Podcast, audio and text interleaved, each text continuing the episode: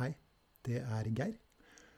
Du, før vi starter dagens episode, så tenkte jeg å si at postcassen vår er sponset av Mindblown, en livsmestringshub.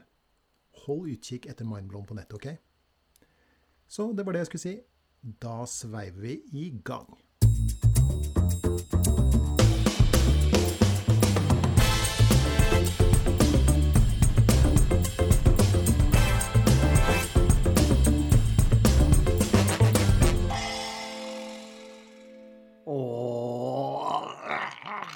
Der var vi i gang igjen. Ja, men det strakk meg akkurat. Så det blei veldig bra start.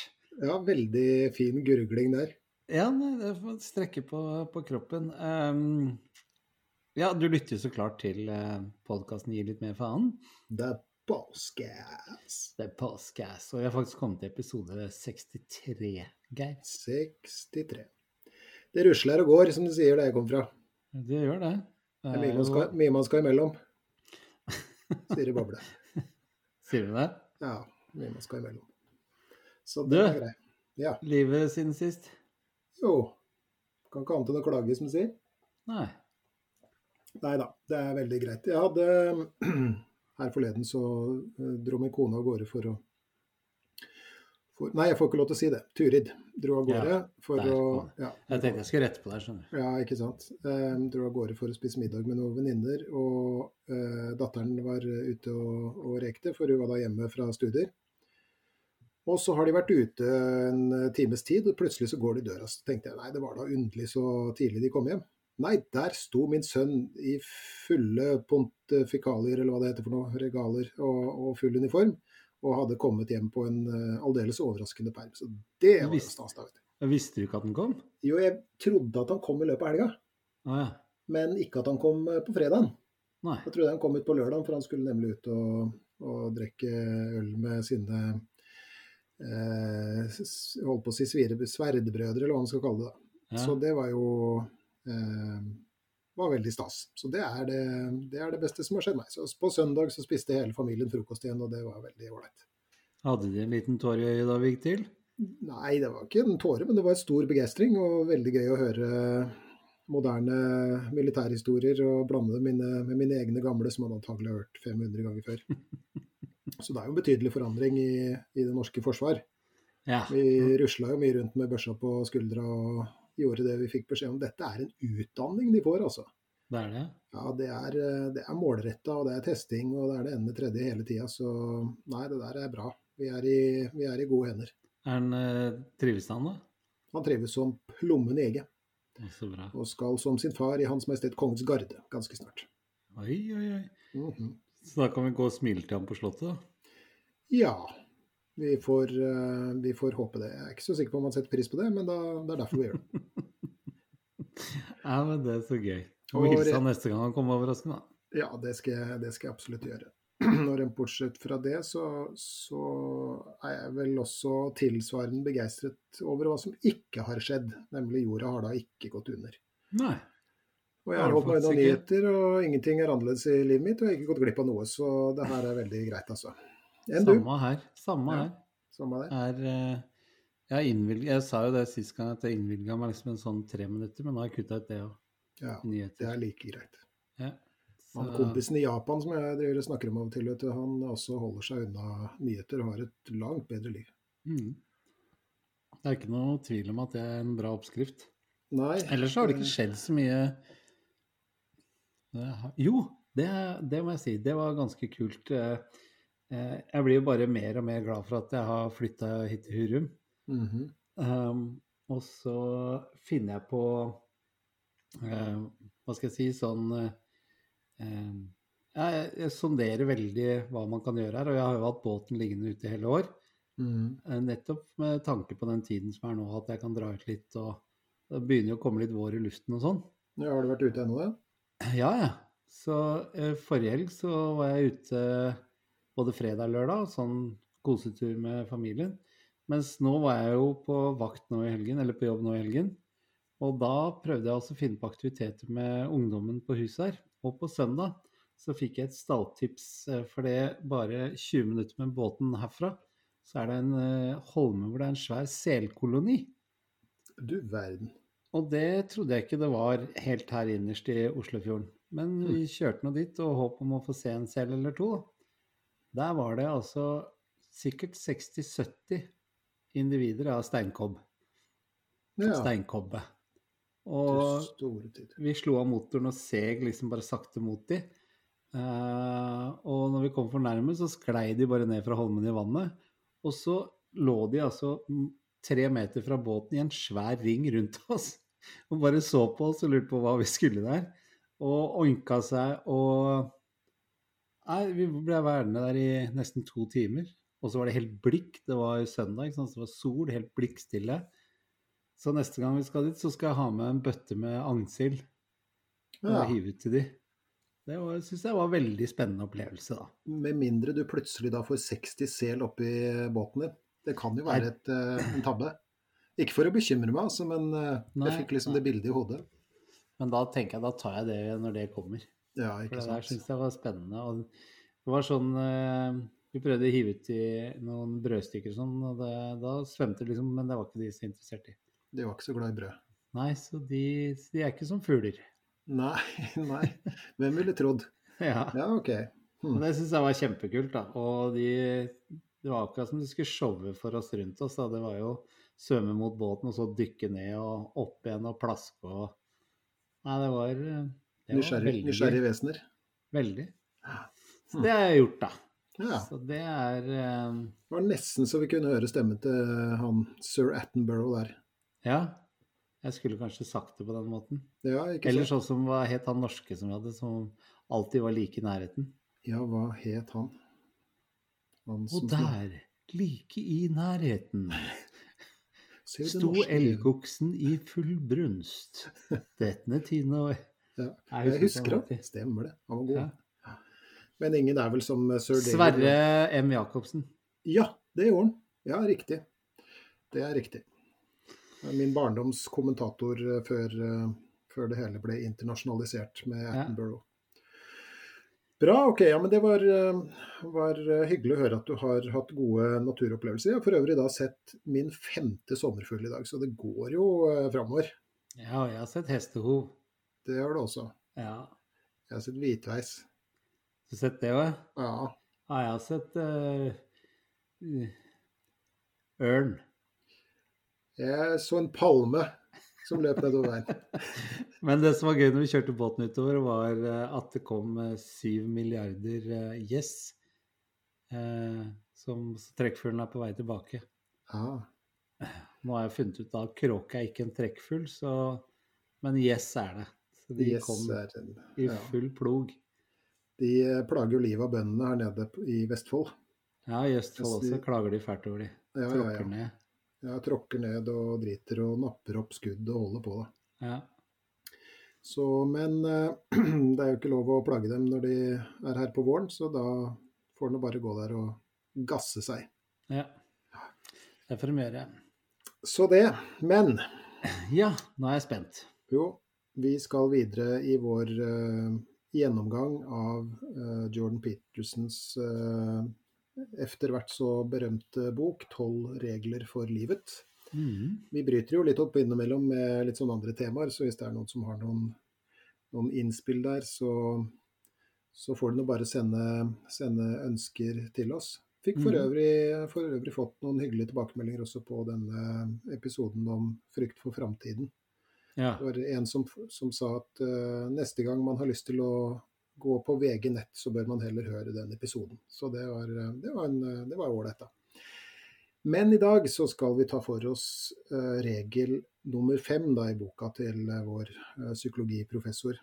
Mm. Um, og den regelen heter La ikke barna dine gjøre noe som får deg til å mislike dem. Ja, det er et kult kapittel. Fem øre for tankene dine om den overskriften der, for den kan jo høres eh, nesten litt brutal ut. Hvis man ikke hadde kjent til Jordan Peterson, så hadde jeg nok kanskje tenkt det. Okay. Men eh, jeg vet jo at han er jo ikke noe ondsinnet eh, barnehater. -hmm. Så når jeg leste den overskriften første gangen jeg skulle lese om den regelen, så var jeg faktisk ikke så veldig skeptisk. Jeg var ganske sikker på at det kom noe klokt og ikke minst noe jeg mener eh, samfunnet i aller høyeste grad trenger. Mm. Mm. Eh, og det stemte jo med mye av det jeg er enig i. Jeg har bare ikke sett på det på den måten før. Mm. mhm. For det handler jo for så vidt om, om eh, barn, eh, dette kapitlet da, voksnes forhold til barn og hvilken rolle vi skal ha osv. Eh, men det handler kanskje like mye om eh, hva skal vi kalle det da? Eh, barn som etter hvert blir voksne. Mm. Og hvilke konsekvenser det kan få eh, dersom eh, vi ikke har tunga rett i munnen. Mm. Eh, og så er jo ikke det her noe sånn eh, Det er på ingen måte noe innspill eh, i, i debatten som handler om at Altså hvor, hvor avgjørende en, en barndom er. Og der strides de, de lærde eh, veldig, men, men det er hans eh, litt sånn Jeg hørte faktisk på den i dag. Jeg var en tur i Porsgrunn på, i et møte, og da, da hørte jeg på en eh, forelesning han holdt på universitetet i Oxford. Ja. For liksom å forberede meg litt og, og sånt. Og sk sk- skrev jo for så vidt eh, manus, hadde jeg nær sagt, i, i, i forgårs, men eh, bare som en liten sånn eh, eh, opp, oppfriskning, da. Mm. Og um, hvor ville jeg med det her? Nei, At du hørte på han på, på bilen mens du kjørte fra Porsgrunn? Ja, men jeg hadde et poeng. Men det Ja. falt helt bort. Da kommer det sikkert tilbake. Det var veldig rart. Ja ja, sånn Ja, fungerer så hyggelig at du hører på ting når du kjører bil, da. Du, veldig Så det vil jeg bare si. Ja. Så det er eh, Hva i himmelens navn var det jeg skulle 52 år og ikke snill, bank i bordet, kom inn! Ja, ja. ja. OK. Nei, men da Det, det, det kommer, vel, eh, Ja, ja. kommer vel tilbake. Kan ikke du snakke litt mens jeg prøver å finne ut hvor jeg ville med det?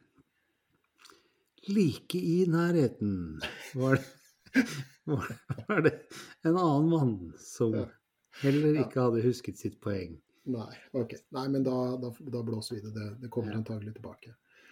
Eh, Men det som var viktig med, med det kapitlet, syntes jeg, er jo, som, som du delvis sa nå um, Fordi det handler vel Sånn jeg tenkte når jeg, når jeg leste og hørte det, så tenkte jeg sånn det, Ja, det handler kanskje litt om, eh, om barneoppdragelse, men eh, like mye skal, Hvordan skal jeg ordlegge meg på det? Men jeg syns også det var veldig mye der jeg syns var gode innspill til meg som far.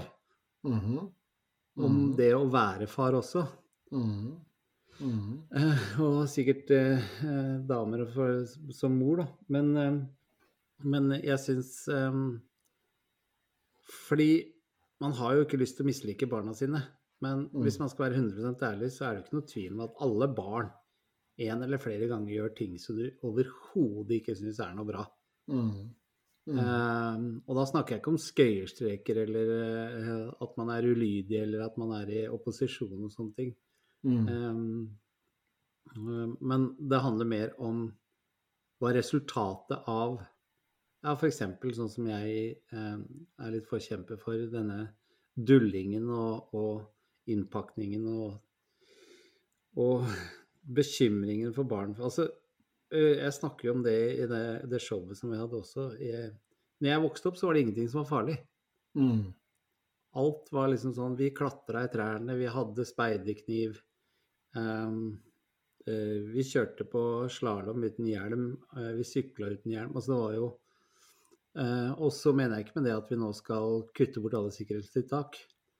Men det at eh, Jeg opplevde der vi bodde før, så hadde vi en lekeplass som var stengt ned i to måneder. Fordi det var feil sand under huskene og dumpiska. Mm. Mm. Det var ikke denne støtsanden. Mm.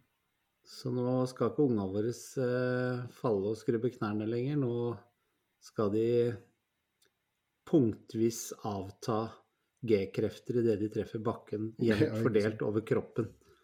Det var, noe, eh, det var en sånn klok ting eh, jeg hørte en gang, og jeg mener å huske at det var en, en eh, lege jeg jobba med, og vedkommende sa barn skal slå seg, men ikke skade seg. Mm. Og det er jo antagelig, antagelig en lur huskeregel. Og jeg tror også at uh, Jordan Peterson snakker om det i et kommende kapittel som heter 'Ikke forstyrr barn når du står på skateboard', eller noe i den retninga der. Men dette handler jo mer, mer, om hva skal vi si, um, vår oppdragelse og våre holdninger til barn. En annen klok uh, dame som jeg jobba med tidligere. Uh, og det Vi satt og snakka, vi hadde en sånn, du vet, sånn, sånn frokostprat på kontoret, vet du. ikke sant? Og, så, og dette var i det vaset hvor jeg begynte å Jeg, var vordende tenåringsfar. Uh, og med de, med de både gledene og utfordringene det er, da. Eller det, innebærer. Ja da. Men, uh, men, jeg begynte jo å ane konturene av et, et nyoppvåknet hormonmonster, eller, eller, til og med, med to. Og, da, og, denne dama var veldig, hadde sånn veldig beroligende Hun var litt eldre og, og, og særdeles klok, og hun sa Jeg elsker barna mine, men det hender at jeg ikke liker dem. Mm. Og det var jo et veldig sånn sjokkerende utsagn. Men, men, etter hvert som uh, tida gikk, så begynte jeg å forstå hva hun mente. Ikke mm. sant? Uh, men det her, og det som er hans Jo, ha! Her kom poenget tilbake. Oi! Ja, ja, ja. Da, da, da. Så, så, jeg kjørte altså og hørte på denne Oxford-forelesninga. Og, og, så sier han eh, for han gikk gjennom noen kapitler, nemlig tolv regler for, eh, for livet, da, for unge studenter og sånt. Og så sier han eh, altså, Hver gang han liksom starta et nytt kapittel, så sier han dette er en meditasjon over dette temaet. Altså en meditasjon, altså at det er mye av hans frie tanker rundt det. Og, og, det er jo det som kjennetegner denne boka også, at det er veldig sånn Du vet jo det. ikke sant? Han mm. flakker hit, og så flakker han dit, og så assosierer han med det. Men så greier han alltid å knytte det sammen på, mm. på Eh, på slutten. Da. Og Han starter med en historie om et barn som ikke klarer å oppføre seg etter sosiale eh, spilleregler. Det er selvfølgelig ikke hans barn. Da. Og Jeg tenkte jeg skulle starte med en litt sånn eh, lignende historie, fordi at eh, vi har en bekjent som er eller var, nå er jo den gutten blitt voksen, men, men han var da alenefar for én gutt. Og så fikk han sin eh, hjertegode mor på besøk. En dame som vi eh, er veldig glad i. Eh, og denne dama sier da til sin sønn, ikke sant, altså faren til hennes barnebarn på et vis, da, at hvorfor er du så streng mot sønnen din? Og da svarer, svarer hennes sønn igjen, fordi jeg vil ha et barn som andre vil ha rundt seg. Og det mm. hørte jo jeg da mine barn var små, og det, det gjorde litt sånn uh, inntrykk uh, på meg, da. Fordi at jeg tenker jo at La oss nå anta at du hadde fått uh, Altså, barnet ditt var nyfødt, og så fikk du spørsmålet Hvordan vil du at andre mennesker skal behandle barnet ditt? Hva ville du svart? Oi. Hvordan jeg ville at andre skulle behandle barnet mitt? Mm. Jeg ville at du skulle behandle barnet med respekt. Uh, gitt uh, barnet mitt rom til å være seg selv. Uh, kjærlighet. Og at de likte å være sammen med barnet mitt. Mm. OK. Så ville du da ha ville du da ha sagt at jeg vil også at de skal korrigere barnet mitt hvis barnet mitt gjør noe feil eller, mm. eller oppfører seg ugreit? Ja. Ikke sant? Så, så, så, det er jo da Og det har vi praktisert også. Ikke sant. Ja. Eh, for, for, det er også noe av, av, eh, av poenget her. Da. Så barn trenger jo å bli likt. Mm.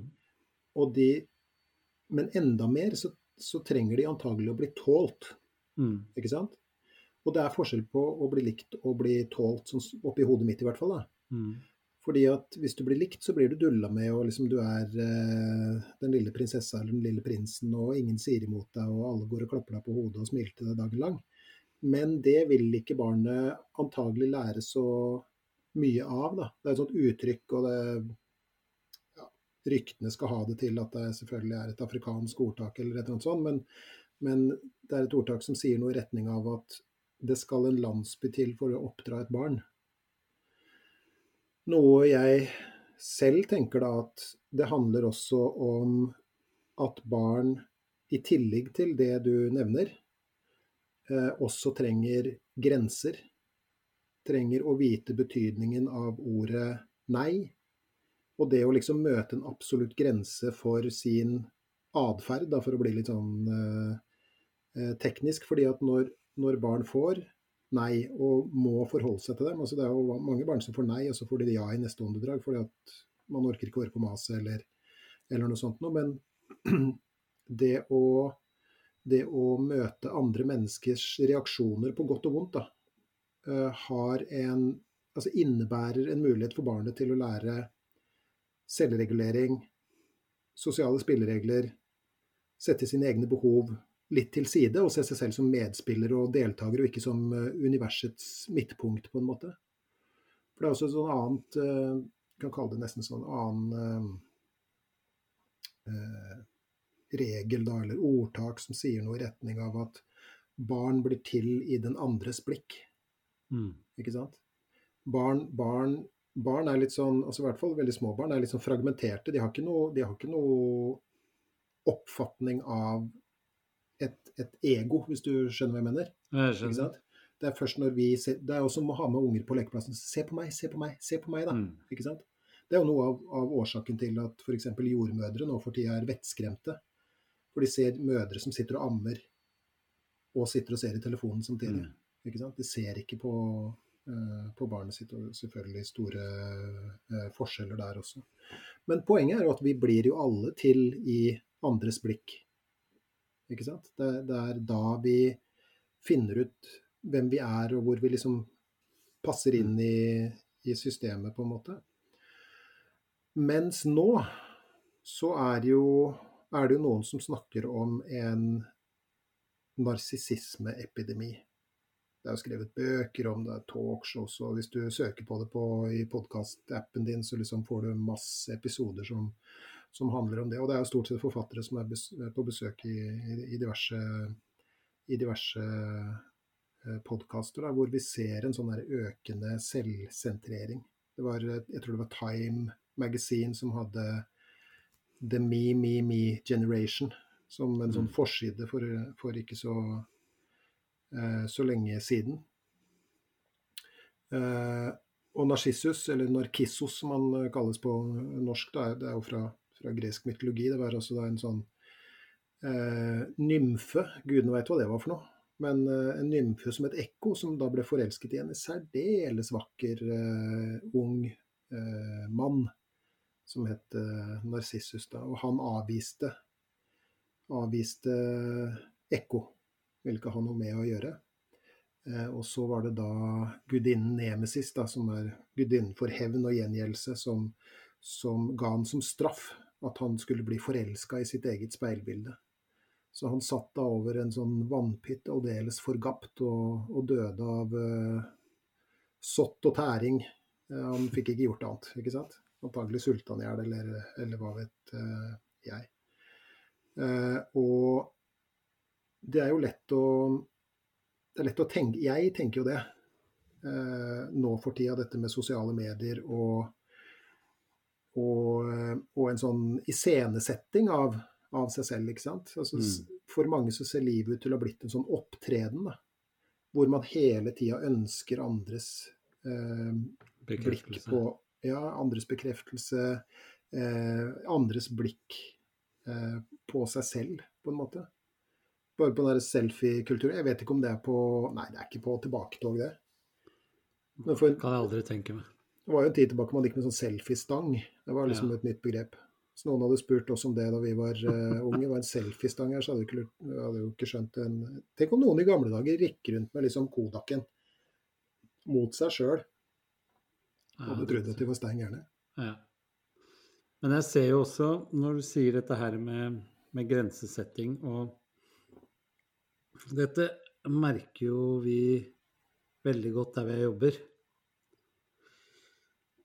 Og det er også lett å, å tro at de er eh, så fulle av seg sjøl og skal ha oppmerksomhet hele tiden. Men Eh, Det er jo klart, vi har jo med ungdom som på en eller annen måte er skadet enten av seg selv eller de rundt seg. Mm. Eh, Men én ting som går igjen, er jo at dette er ungdommer som det ikke har blitt satt grenser for. Mhm. Og hun ene ungdommen som er hos oss nå, en, en jente på, på snart 16, hun sa det til og med litt sånn rett, lett irritert eh, til meg når jeg var på vakt nå i helgen. Sånn eh, Jeg er 15 og et halvt, hvorfor skal dere begynne å sette grenser for meg? Det er ingen som har gjort det før, så hvorfor skal dere begynne nå? Mm. Jeg har fått lov å gjøre som jeg vil, og hvorfor kan jeg ikke fortsette med det? Mm. Hva, hva, var det noen som svarte på det? Jeg svarte på det. Hva svarte du? Du sa at det aldri er for seint, sa jeg. Mm. Fordi at eh, er det én ting som er sikkert, eh, kjære ja, La oss kalle henne Jeanette, så er det at eh, du er nå 15 og et halvt. Og hvis ikke vi sammen nå setter i gang brennfort med de tingene, så kommer du til å få kjempeproblem når du er 18 år og skal klare deg sjøl. Mm. Mm. Fordi samfunnet kommer til å sette grenser for deg på absolutt alle områder. Mm. Og hvis du ikke har noe Hvis du ikke har trent opp noe resistens på det, og ikke trent og trent det og blitt kjent med at er, man får ikke alltid sånn som man vil. Og man Mm. må gjøre kjedelige ting for å oppleve de morotingene. Mm. Og man må gå på skole for å få utdannelse, og man må spise tre måltider om dagen, og man må legge seg på kvelden så man er uthvilt når man står opp om morgenen. Ikke sant? Ikke Mm. gjennom hele regla. Mm. Nei, hun kunne ikke se poenget med det nå. Mm. Hun har klart seg bra så lenge. Og da er det jo så klart fristende å si, jeg gjør det ikke sånn Ja, men nå er du jo på barnevernsinstitusjon, da. Mm. Mm. Men hvis du skulle For det der er jo Det der er jo Det er jo fælt å høre, tenker jeg. Ikke sant? Eh, Det er jo en, det er jo en Jeg tenker jo at det er en slags omsorgssvikt i, i varierende grad, selvfølgelig. Det å Klart ikke det. sette, ikke sette grenser oh, ja. eh, for barn. Men hvis du skulle fortelle litt, da. Mm. Altså hvordan Og jeg skjønner at det ikke går an å, å generalisere det, men hvis du prøver å liksom sammenfatte det litt, på en måte. Altså for du, du har jo nå jobba med mange, mange ungdommer, og også med stort, eh, stort hell. Men altså, hvordan er det En person som aldri har fått satt grenser for Mm. seg, Mm. eh, aldri har fått den omsorgen som ligger i det å bli satt grenser for. Mm. Altså, hvordan har de en tendens til å reagere når dere begynner å sette grenser? Så klart, eh, som vanlig, eh, veldig lett å se eh, at eh, de protesterer jo med en gang. Og blir sinte. Men det vi Mm. ser på sikt, er at de er også Jeg blir f.eks. kalt streng, da. Mhm. Men uh, det ungdommen sa, ene ungdommen sa til meg her nå, ikke nå da jeg var på vakt, men forrige gang, sa det var veldig fint å høre. Du er streng, men du er sånn uh, positiv streng, for du er rettferdig. Mm. Mm. Men du er streng. Mm. Uh, vi får jo ikke lov til så mye når du er på jobb. Mm. Men det vi ser, uten, eh, uten unntak, så ser vi at de som vi våger å sette rammer for, Mm. og står i det, fordi det er ganske tungt og vondt, de, de har, er jo ikke vant til, så vi snakker jo om ungdom som kan utagere med å knuse alt rundt seg, gå til angrep. Mm. Noe, som, noe som kanskje er et litt sånn symptom i seg selv. Da. Mm. Jeg tenker jo at når, når, når man Hvis man da er så uheldig på en måte, og ikke har fått lære grenser, så har man jo heller ikke fått lære Fått lære andres grenser, på en måte.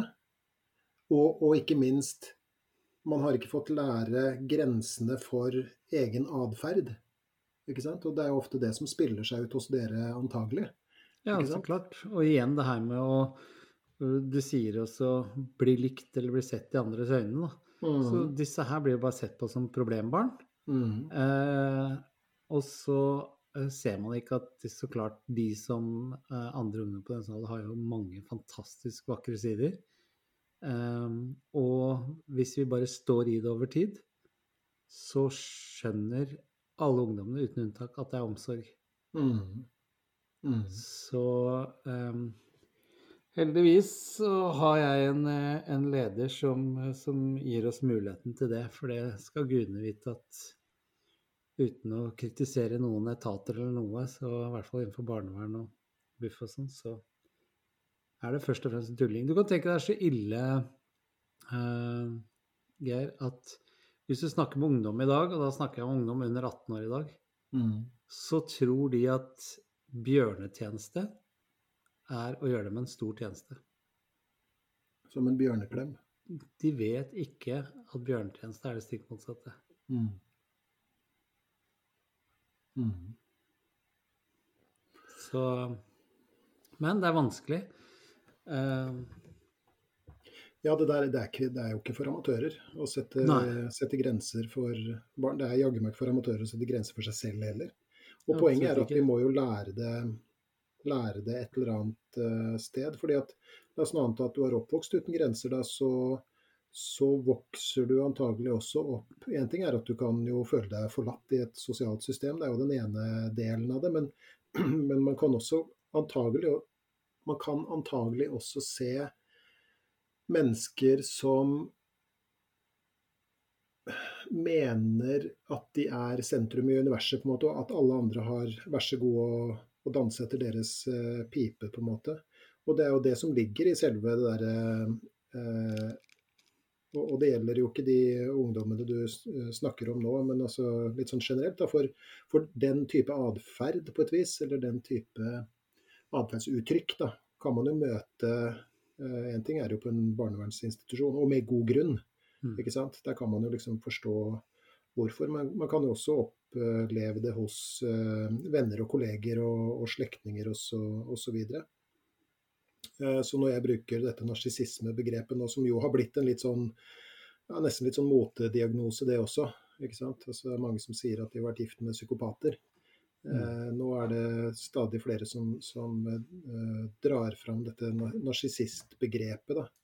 Men altså, for narsissisme er jo en sånn eh, et begrep som eh, går nettopp til dette med ekstrem sånn selvopptatthet, selvkjærlighet og liksom selvdyrking. Men poenget er jo at noe narsissisme er nødvendig. Det er, det er, sunt.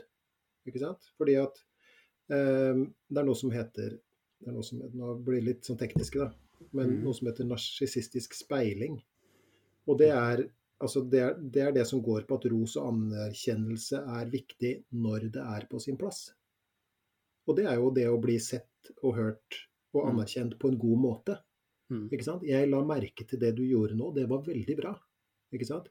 Men så har vi også vrengesida av det. For at man ser jo øh, Og jeg så det allerede da jeg hadde små barn.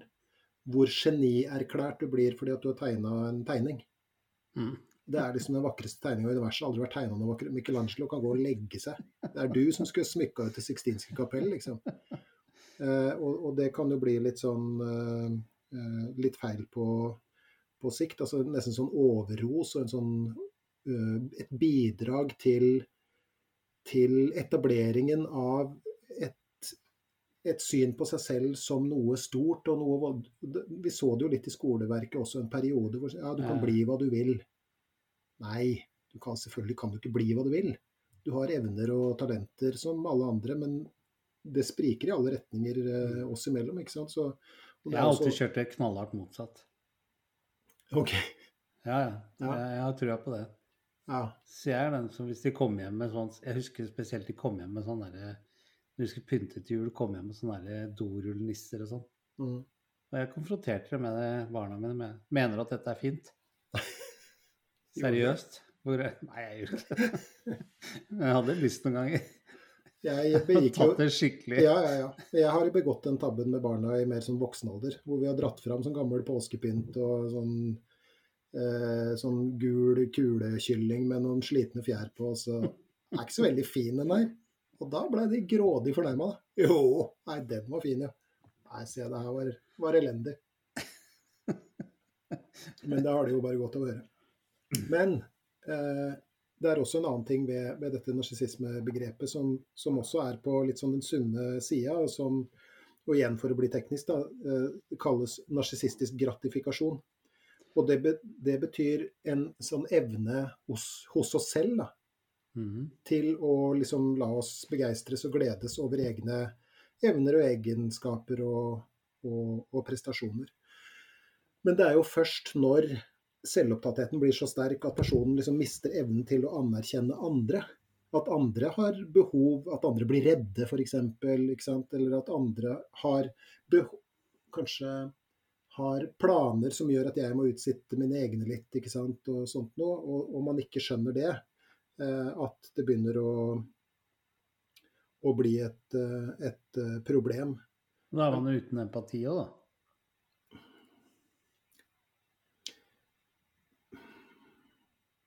Ja, enten det, eller så er ikke empatien sterk nok til å overskygge dine egne behov, på en måte. Ja. Uh, så jeg, jeg, tenker nok ikke at det nødvendigvis innebærer at man ikke har empati, men at man selv mener at ens egne behov går foran andres, f.eks. Eller at man selv fortjener en plass i, i rampelyset eller i, i, oppmerksomhetens søkelys sterkere enn den andre, da, uansett hva som, uh, hva som foregår. Uh, og, og, hvis man da ikke har den evnen å bruke liksom mer energi på å nyte sin egen fortreffelighet og aldri tar feil, eller altså aldri kan innrømme feil, f.eks., ja. så kan vi begynne å snakke om en, en sånn narsissistisk eh, eh, forstyrrelse. Og, og, hvis, og, hvis, det her fører til liksom, funksjonssvikt Vi har snakka veldig ofte om det. Mm. Når er et problem et problem, sånn i mm. psykisk eller psykologisk sammenheng? Da? Jo, det er når det begynner å gå utover funksjonen vår. ikke mm. sant? Men i dette tilfellet så vil det også da gå utover andres funksjon, for at din måte å oppføre deg på virker sånn inn på andre at de nærmest kan få en uh, kall det funksjonssvikt. ikke sant? Og da kan vi begynne å, å og, og dra fram diagnosene. Så det er noe som heter narsissistisk personlighetsforstyrrelse, uh, personlighetsforstyrrelse f.eks. Nå har du sett noe tall, eller kjenner du til Er dette noe som er gjengs over hele verden, eller er det noe kulturelt over det, eller er det Eller er dette jeg, te jeg tenker jo at det er gjengs over uh, hele ja, om ikke hele verden, så i hvert fall i den vestlige kulturen ser vi ser vi det jo. Og, og ja, det tror du ikke vi ser det mer der enn ellers? Jo, men så tenker jeg også liksom på litt sånn Japan og sånt nå. De er jo, altså de er jo vestlig påvirka eh, mm. på mange måter. Med selfie-kulturen der også er jo ganske, eh, ganske utbredt, tenker jeg. Men når det gjelder Vesten, da, så har jo liksom psykologer og sosiologer og sånn vært bekymra en stund for for vårt økende individfokus. da. Man snakker om en litt sånn selvnytende og selvfokusert eh, kultur. Mens hvis du slår Østen, hvis du generaliserer veldig, da, eh, og slår liksom Østen sammen i ett, så, så har man jo mer et system-skråstrek samfunnsfokus. Det er litt sånn jamfør når det er eh, problemer og katastrofer, f.eks. i Japan. Så i forbindelse med Fukushima, når var det? 2000 og Kan det ha vært 16? Ja. ja. Noe i den retninga der. Men da så du japanerne som lina seg opp og sto på rekke og rad for å få utdelt eh, nødhjelp og tepper og sånn som er. Mens, eh, mens, i Vesten, hvis lyset går et kvarter, så er vi i gang med å plyndre, liksom. Og, og det er hver mann, hver mann for seg. Mm.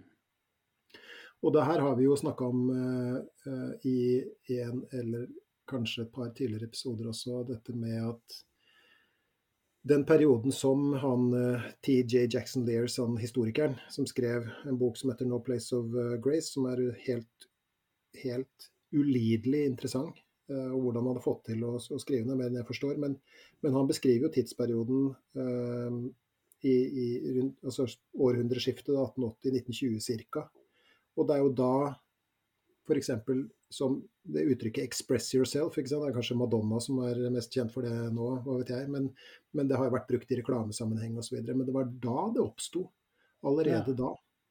Eh, psykoanalysen dukker opp. ikke sant? Vi går fra håndverksyrker som gjerne går i arv, til, til eh, masseproduksjon.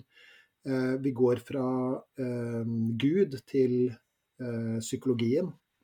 Og vi blir eh, introspektive, altså vi begynner å interessere oss for eh, eh, sjelslivet vårt. Det var jo i den perioden der, altså i 1880, som en, en amerikansk lege som het George Miller Beard skrev en bok som heter 'American Nervousness', som handla om en diagnose som da har gått av moten, da, og har fått andre navn, men som de da kalte nevrasteni.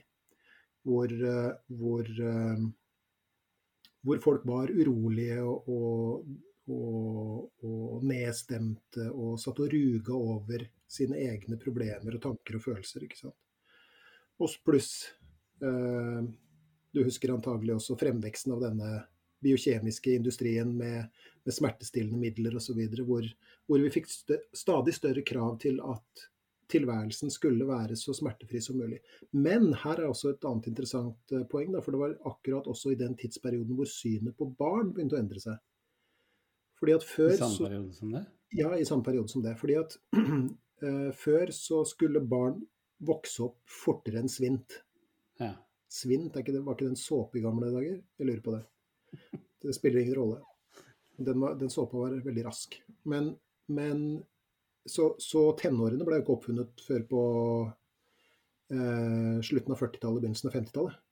Før det så hadde du ikke noe tenåringsperiode. Eh, så før så ble barn sett på som ufullstendige voksne, som så kvikt det lot seg gjøre, måtte få alle de eh, Hva skal vi kalle det? All den kunnskapen og alle de egenskapene som måtte til for å klare seg i en eh, voksen verden, skråstrek, for å klare seg i verden, da. Eh, mens nå så, så, gikk man over altså Det starta først i overklassen, dette, synet dette endra synet på barn. Og, og, ned til middelklassen, og så og igjen da ned til arbeiderklassen. Som før hadde, altså Dette var jo før velferdsstater og sånt noe. Så man hadde jo også bruk for barn, var jo en sånn sosial forsikring på mange måter. Ja. Hvis du skulle bli gammel og skral, så var det jaggu meg best for deg at du hadde en uh, solid ungeflokk som kunne ta seg av deg. Ja. Og i det minste komme innom en uh, brødskorpe litt sånn der i julekveld i skogen-aktig. Uh, mens nå så, så gikk man på, fra synet på barn som ufullstendig voksne til en slags sånn idealisering av barn som perfekte, rene og ubeskrevne blad som, som, måtte beskyttes fra en voksenverden som bare ville liksom virke ødeleggende på dem. Og så fant, var... man, ja, så fant man opp tenårene også, ikke sant. Og, ja. og, og en, av de, en av de mest åpenbare årsakene, sånn som jeg ser det, og jeg er lov til å være uenig, men, men, men jeg mener og Eller dette mener jeg, da. Og, ja. det, det, det, kan se ut som at man oppfant tenårene for å få nye konsumenter. For da fikk du tenåringsmote og tenåringsmusikk osv. ikke sant. Sikkert noen glupe sjeler bak. Ja, antagelig. Og så er spørsmålet da, hva med i dag? Jeg vet ikke hva du tenker om det her, men jeg synes jo å se en økende tendens til at en del foreldre synes å være litt sånn engstelige for barna sine. da. Mm. Ikke engstelige sånn at de skal skade seg, det er ikke det jeg tenker på, men at de er redde for å si nei, og for at barn skal oppleve og ikke minst vise vonde følelser. Hvis et barn skulle bli sint på en forelder f.eks., for eller, eller gråte og bli lei seg og sånt noe, så og, og, det er jo det som skjer, ikke sant. Og, og, og i, i, Hva skal vi kalle det, da? I, um, i litt sånn ekstremversjonen da, som du forteller om, på, på, det stedet du jobber. Hvor du kan mm. få ordentlig utagering, og det er knusing av møbler, og det er ja, Og, og, det er kanskje til og med bare eh, starten, det er jo én ting. Men, men, poenget er at hvis du setter grenser for barn, så, så kan barnet oppleve skuffelse, sinne, det kan gråte, si at det hater deg, ikke sant. Og det er det jo mange av oss voksne som ser ut til å tåle ganske dårlig. Og jeg vet jo ikke heller hva du tenker om det her, men, men eh, og det er jo for så vidt mange som har snakka om det også, dette med at mange foreldre ser ut til liksom mer har lyst til å være venner da, med barna sine, ja, enn å være foreldre. Ja. Ikke sant? Har du vært borti det fenomenet? Ja, så klart. Og det er jo lett for å gå i den fella sjøl også. Hvordan da? Og spesielt nå når Ja, nå er jo barna mine i starten og slutten av 20-årene. Så Mm. nå er de jo voksne mennesker med egne leiligheter, egne Ikke fått barn ennå, så jeg er fremdeles ikke bestefar. Mm. Uh, men uh,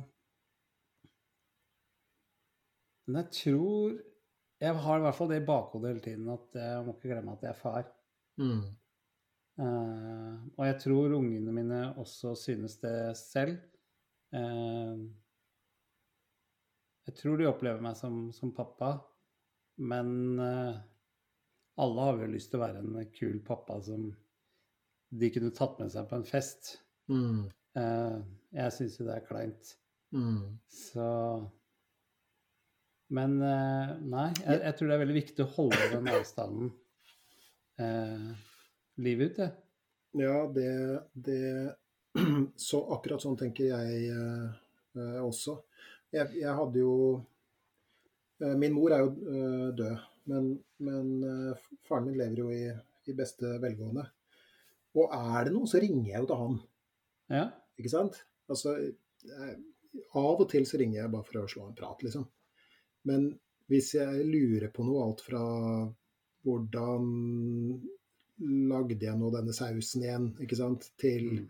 sånn som i dag hvor jeg fikk mitt livs sjokk fra skatteetaten, for de har åpenbart gjort et eller annet gruelig feil.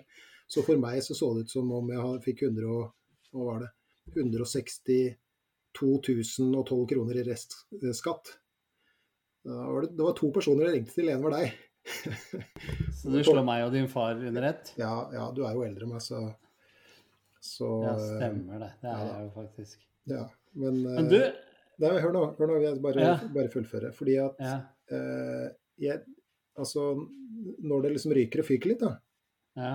Så trenger vi de som vi tror vet mer enn oss. ja. Ikke sant? Og det, er, så, det gjelder jo også venner. ikke sant? Altså, Jeg ringte jo til deg av en grunn. Du har vært selvstendig næringsdriver, bla, bla, bla. ikke sant? Og sånt noe. Men, men, men eh, jeg ringer jo til faren min for at han skal være liksom eldre og tryggere og roligere enn meg. Ikke sant? Og, og ja, da er du heldig. ja, og jeg, ja, men jeg tenker jo også at ja, da er jeg heldig. Ja, Ja. virkelig. Virkelig. Det er du faktisk. Eh, Men, men jeg tenker at altså, barn har nok venner. Men de trenger for eldre. Folk som er Ja. eldre enn dem. ikke sant? Og som er litt mer livserfarne og, og, og sånt noe. Og det er så mye rart med ungdommen, fordi at de trenger det. Og de, eh, sånn som alle mine barn, eh, ringer og spør om ting. Men i neste åndedrag så kan du ta deg F på at jeg som voksen forstår ingenting. Nei, nei, nei. nei. Jeg har jo ikke levd eh, Altså, det er lenge siden jeg var ung. Jeg vet ikke åssen det er å være ung. Mm. Og da, da trekker du det kortet. Men Ja, med en ja. gang det begynner å knipe, så er det jo Og det må jeg innrømme at jeg syns er litt stas òg. Mm. Som far, når det ringer og så sier du hvordan skal jeg gjøre det, og jeg skjønner ikke når det kommer det, hva skal jeg Mm. Så kjenner jeg at jeg blir litt sånn Jo, nå skal du Mm. høre. Fordi jeg har jo ikke hatt det privilegiet å ha eh, foreldre som jeg kan ringe til på den måten og spørre. Mm. Så jeg syns det er veldig stas eh, de gangene. Og jeg har veldig lyst til å hjelpe til. Mm. Jeg vet nesten ikke hva jeg kan gjøre hvis de, hvis de trenger noe. Så hiver jeg Mm. alt jeg har i hendene. Men det er jo, et, det er jo en god observasjon og, og et paradoks som, som jeg har opplevd, men kanskje ikke eh, reflektert eh, så mye over som det du nå eh, gir uttrykk for. Da, det der med at i det ene øyeblikket så blir du spurt til råds. Men hvis du kommer bare med et råd sånn uten videre, uten å, ikke sant? så de ikke har spurt om det, nei, da er du håpløs og gammeldags, og det vet jo ikke du noe om. og sånn som her, ikke sant? Så sitter jo jeg i hvert fall og tenker nei, nei. Jeg er nå snart 52 år, så noe har jeg nå under vesten, da, men eh, du får nå bare vente og se. Det er litt sånn som Søren Kierkegaard, Kirkegård sa en gang i tida, ikke sant? dette med å Livet må leves forlengs, men forstås baklengs. Eh, og, og, og sånn er det å være barn. Man forstår etter hvert at ja, foreldrene har vært ute en vinternatt før og, og vet litt om det her, ikke sant. Eh, så så, så det, er, ja, det er et snedig fenomen. Det har jeg i grunnen ikke tenkt Men forteller, men forteller når vi snakker om det, så, eh, så er det sikkert ikke noe vanskelig å Og hadde vi spurt eh, eh, lytterne våre også, så hadde vi sikkert fått 20-30-100 forskjellige svar på hva som er korrekt og ikke korrekt. Mm. Men forteller Jordan noe om hvordan vi bør gjøre det? Nei, han er jo, han er jo uh, for så vidt uh, forsiktig med det, da. Um, men han, han, snakker jo om det å liksom tåle å være voksen, og det å tåle å være upopulær. Mm. Og det er kanskje noe av det verste med å være forelder, syns jeg. Det er at hvis du ikke tåler å være upopulær, så søker du jo hele tiden etter litt den derre vennebekreftelsen, på en måte. Men da, da, vil barnet i verste fall få et problem, da. Mm. For det er sånn, ikke sant um, Det var en, det var en, en, en kronikk i Psykologtidsskriftet en gang som ja, viss overskrift jeg ikke husker, da, men jeg, husker bare den ene setninga. Det var Finn Skårderud som skrev denne mm. kronikken om Peter Pan-komplekset. Eh, vi, vi, mm. kan legge ut en link. Det er en veldig interessant eh, ja, faktisk. kronikk. Men, jeg har lest den. Ja, eh, men, men, der hadde han denne setningen som sa at det finnes et vakuum etter den abdiserte, tydelige voksne. Vi, vi, så, og nå er det grov generalisering, og det er på både gruppenivå og samfunnsnivå her, på en måte, men, men man kan av og til, i litt sånn, litt sånn mørke stunder, da, så mm. tenker jeg at vi voksne liksom har abdisert litt. Mm. Og at vi, vi, vi, har overlatt tronen til, til uh, barn og unge, for de er så kloke. Mm. Ikke sant? Uh, og så tør vi liksom ikke å, å, å komme med råd eller, eller mene noe, da. For man skal jo ikke mene, mene noe i våre dager, ikke sant? for da står man jo laglig til forhold. Da kan man bli upopulær. Man kan mm. møte protester, og det er vondt uh, for, uh, for, mange. Men det som Og, og det er jo det er jo det er jo også litt av de, de, de, begrepene du har hørt dem, du også. Det er noen som brukte begrepet helikopterforeldre. Og så er det jo også et begrep som heter curlingforeldre. Helikopterforeldrene er de som svever over og passer på hele tida og sånt noe og, og curlingforeldrene er de som løper foran og rydder ubehag av veien, sånn at barnet skal skli så lett som mulig gjennom livet. Det, jeg, jeg, husker ikke om, om, Jordan Peterson nevner det spesielt i dette kapitlet, men han har nevnt det i en annen sammenheng, og det traff meg som en ambolt. For jeg har, vært, eh, jeg har drevet med helikoptercurling tidligere. ikke sant? Og, og takk Gud um, uh, slutta med det. Men, men han vanskelig sport, det. Ja, det er veldig vanskelig, skjønner du. Ja, lang kost må du ha, så må du holde helikopteret stabilt sånn. Men, men, han har et spørsmål eh, som han har stilt i en, eh, en eller annen anledning, og gudene veit hvor. Men det var sånn cirka sånn. Vil du ha fornøyde og smertefrie barn, eller vil du ha kompetente barn? Ja. Du må velge én av dem. Skal du løpe foran dem og, og, og feie og og, og sky ubehaget som grensesetting f.eks. Eh, innebærer. Da.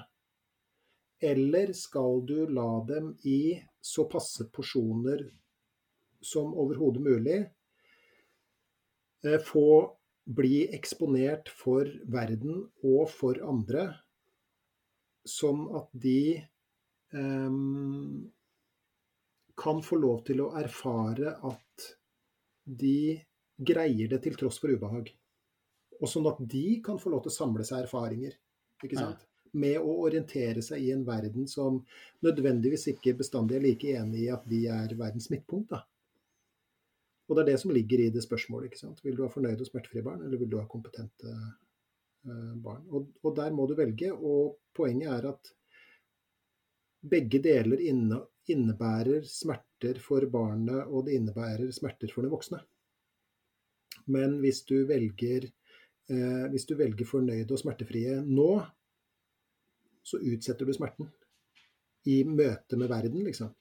Ikke sant? Og det er kanskje det mest sånn eh, Hva skal vi kalle det eh, Slående eh, argumentet i den, eh, i den forbindelsen eh, her. Da. Fordi at La oss nå anta at du velger dette med fornøyde og smertefrie barn, så vil barnet forhåpentligvis da vokse opp og bli først ung, og så ung voksen, og så voksen. Og eh, en ikke-korrigert voksen vil ingen samarbeide med eller være sammen med. Nei. Um, og heller ikke et barn som ikke har lært seg å tilpasse seg andre, sånn atferdsmessig. Altså, det barnet vil jo slippe opp for lekekamerater ganske kjapt. Så dette er en, dette er en bjørnetjeneste i ordets eh, rette forstand, ikke sant. Eh, og det er jo det som er fordelen med det å være en omsorgsfull og varm, men også tydelig forelder. Ikke sant? Da, da men, det, men, det, er samtidig Vi snakka om det for et par episoder siden også. Dette er også fordelen med å ha ekte venner. Mm. Som syns at du er verdens kuleste og, og slår deg på skuldra og, og, og sånt noe, og drar av en spøk og alt det der. Men som også kan fortelle deg når de mener at du gjør noe feil. Mm.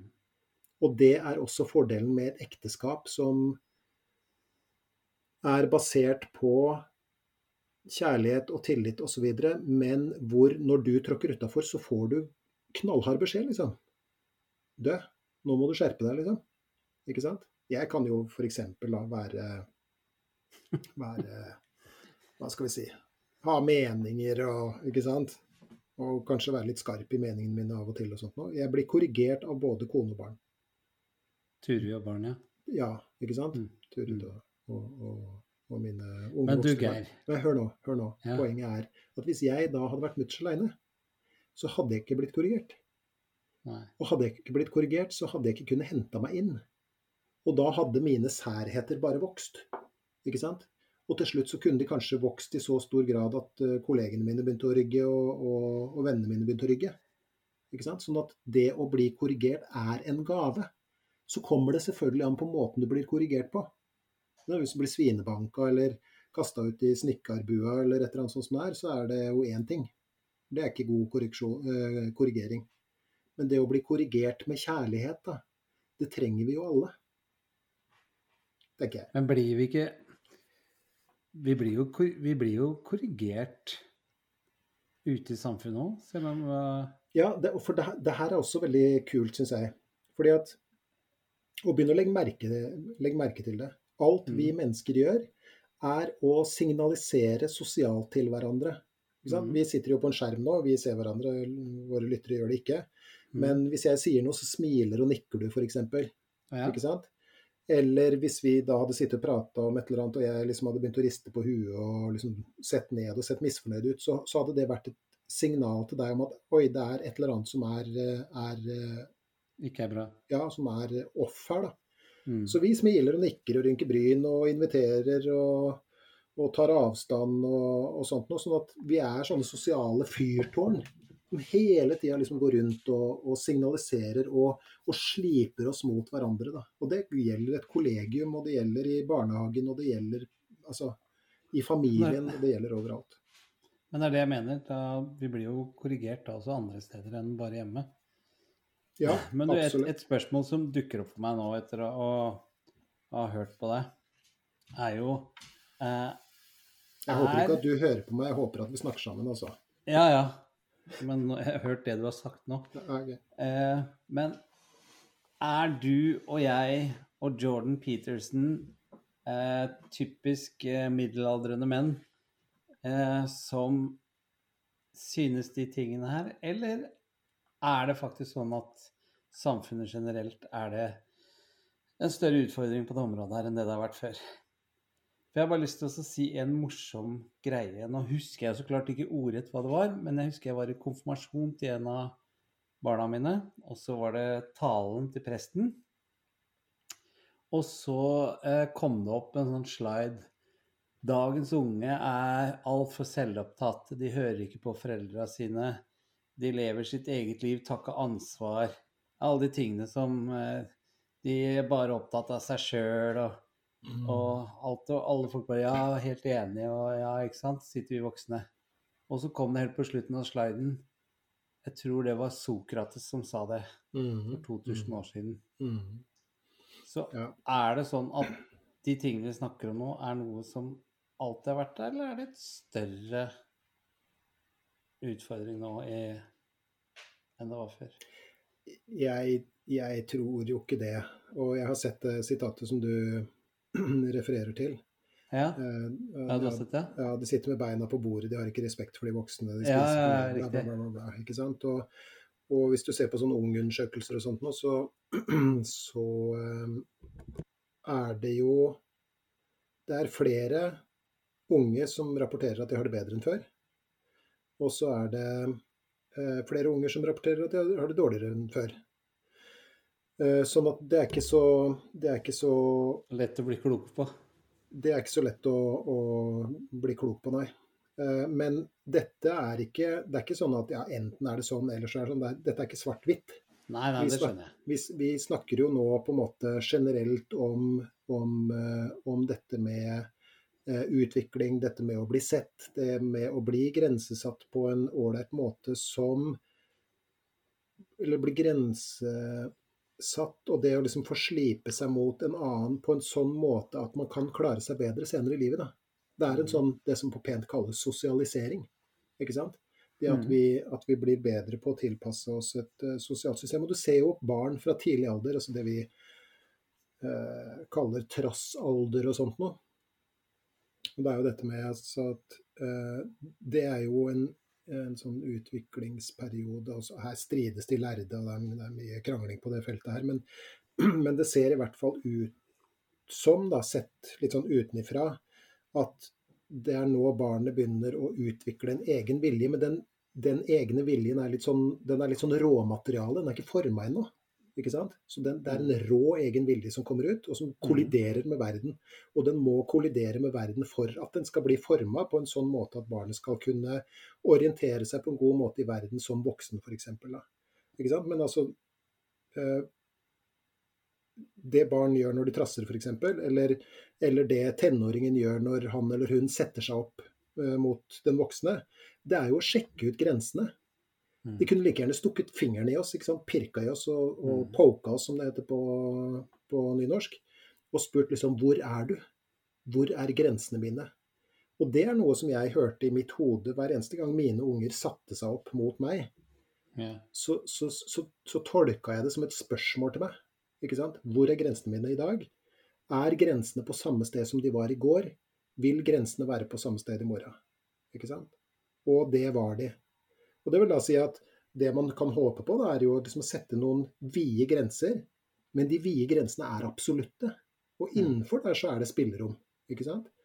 Og, og jeg trodde jo at jeg hadde oppdaga hemmeligheten bak all barneoppdragelse da jeg var, eh, var ung far. Eh, fordi jeg, jeg, eh, jeg tenkte at hemmeligheten ved barneoppdragelse er å være staren sine barn. Ja. ikke sant? Og ikke la seg vippe av pinnen. Men jeg sa også til dem at kom med et godt fundert argument som du har tenkt igjennom. Hvis du kan argumentere godt for det, så kan jeg godt endre mening. ja, du sa det? Ja, det sa jeg. Så, så så litt sånn utagering, da, og- der kan vi jo kanskje snakke om de du også jobber med profesjonelt sett. Den utageringa, den protesten, det derre 'du er ikke faren min', eller du er, sant? det er for seint å begynne nå', osv. Det er jo et slags spørsmål til oss voksne. ikke sant? Hvor går grensa mi?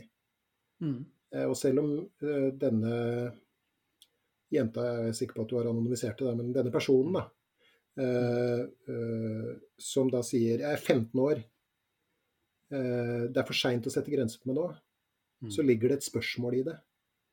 Er det for seint? Mm. Ikke sant? Og du sier det er ikke for seint. Mm. Dette trenger du.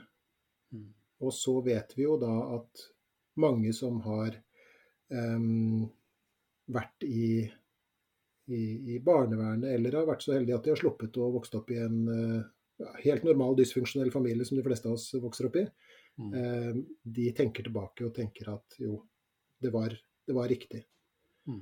Og det er ganske mange ungdommer som også har kommet tilbake til sine foreldre etter en kanskje sånn ildfull ungdomstid, stormfull da, ungdomstid, og, og, og takka for at, eh, at eh, grensene var der. Fordi at dårlig sosialiserte barn, og for så vidt også da voksne, får et dårligere liv og en dårligere tilværelse enn det de trenger å ha.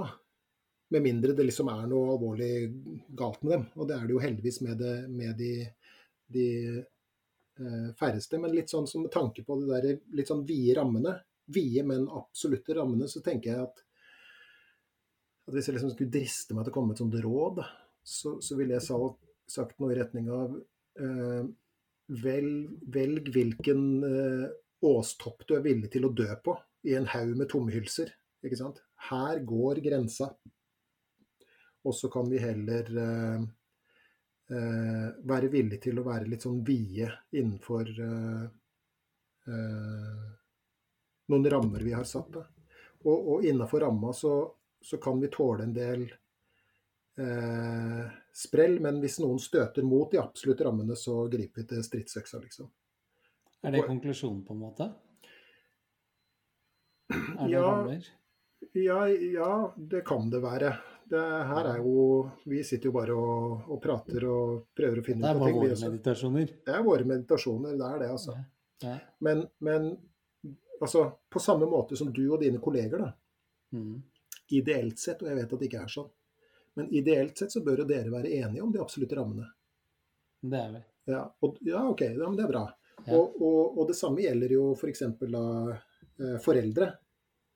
Altså de som, eh, som eh, er så heldige å oppdra barn sammen.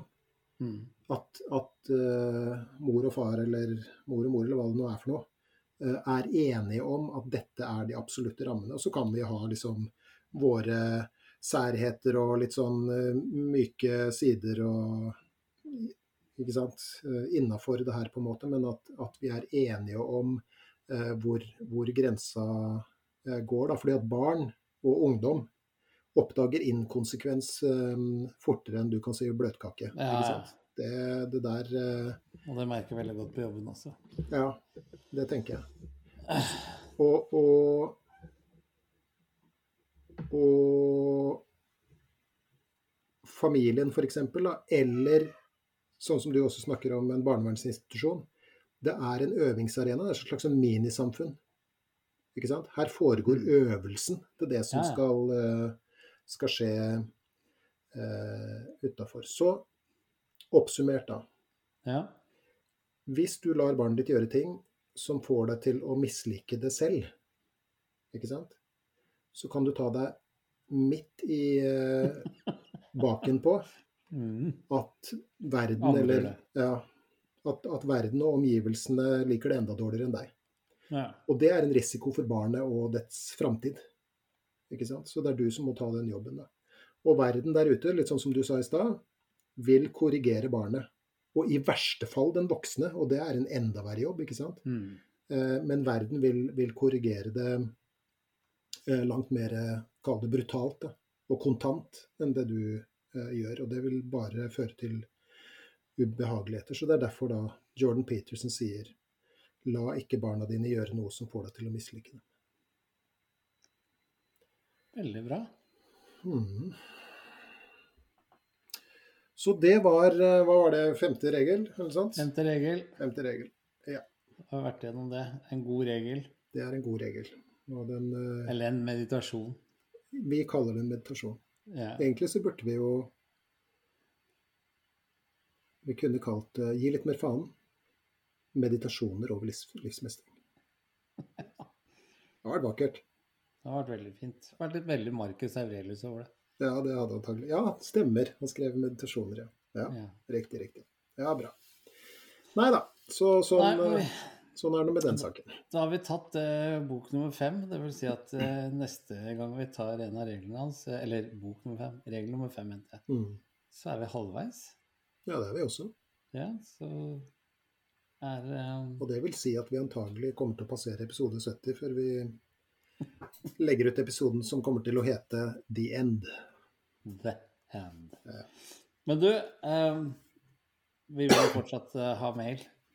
De som har hørt på oss mange ganger, vet jo det. Men det er mange som hører på oss for første gang. Ja, det Hvis de skal faktisk. sende en elektronisk post til oss.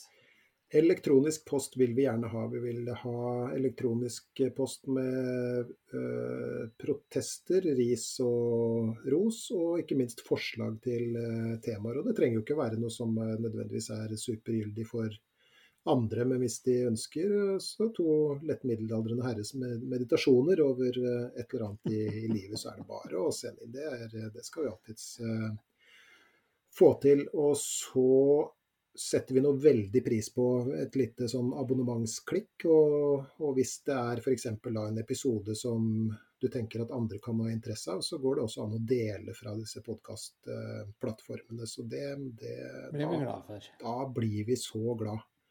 Da sitter vi og smiler i bart og skjegg. Og Hvor skal de sende det? Da sender de det til gi litt mer f at gmail.com. Mm. Gi litt mer f i ett ord. Bøllefrø. Bøllefrø.com. Da kommer den fram, vet du. Da blir den lest, da blir den besvart. Ikke nødvendigvis sånn på akkurat samme dagen eller kvelden, men, men svaret kommer. Ja. Så, og det, det, er jeg nesten litt sånn stolt av. Vi har fått masse e-post. Alle, absolutt alle, er besvart. Der er du god. Ja, så det er, eh, det er bra. Nei, men takk for i dag, Dager. Takk det samme da, Tommy. Så snakkes vi om uh, to uker igjen. Eller det vil si, vi snakkes jo før, men, uh, men vi, vi, mediterer om to uker igjen. Mediterer sammen om to uker. Mm -hmm. Ta godt vare på deg sjøl, og hils, uh, hils hele flokken. Takk det samme. Jeg si din kone, men jeg mener Turi. ja, ja. Og, og, takk det samme. Jeg har sett din kone eh, gli lydløst rundt i bakgrunnen mens du ja. har prata, og det ligger en, en, en pussig, stille hund på fanget ditt. Han er jo kjent for å bjeffe litt, men eh, nå, har, nå, har, du vært flink og små. Det er ja, veldig bra. Han har vært uh, veldig flink. Man har ikke sett faren sin på en uke, så så han var bare veldig klar for at han skulle hoppe opp på fanget ja. mens vi lagde den podkasten. Så vi klarte det litt stille. Ja, vi gjorde det, altså. Myta bare mikrofonen lite grann. Men han har vært uh, usedvanlig eksemplarisk, vil jeg si. Ja, så en, si en, ekstra klapp til eh, Kosmo der. Det skal jeg gjøre. Så prekas vi. Vi gjør det. Ha det. Ha det.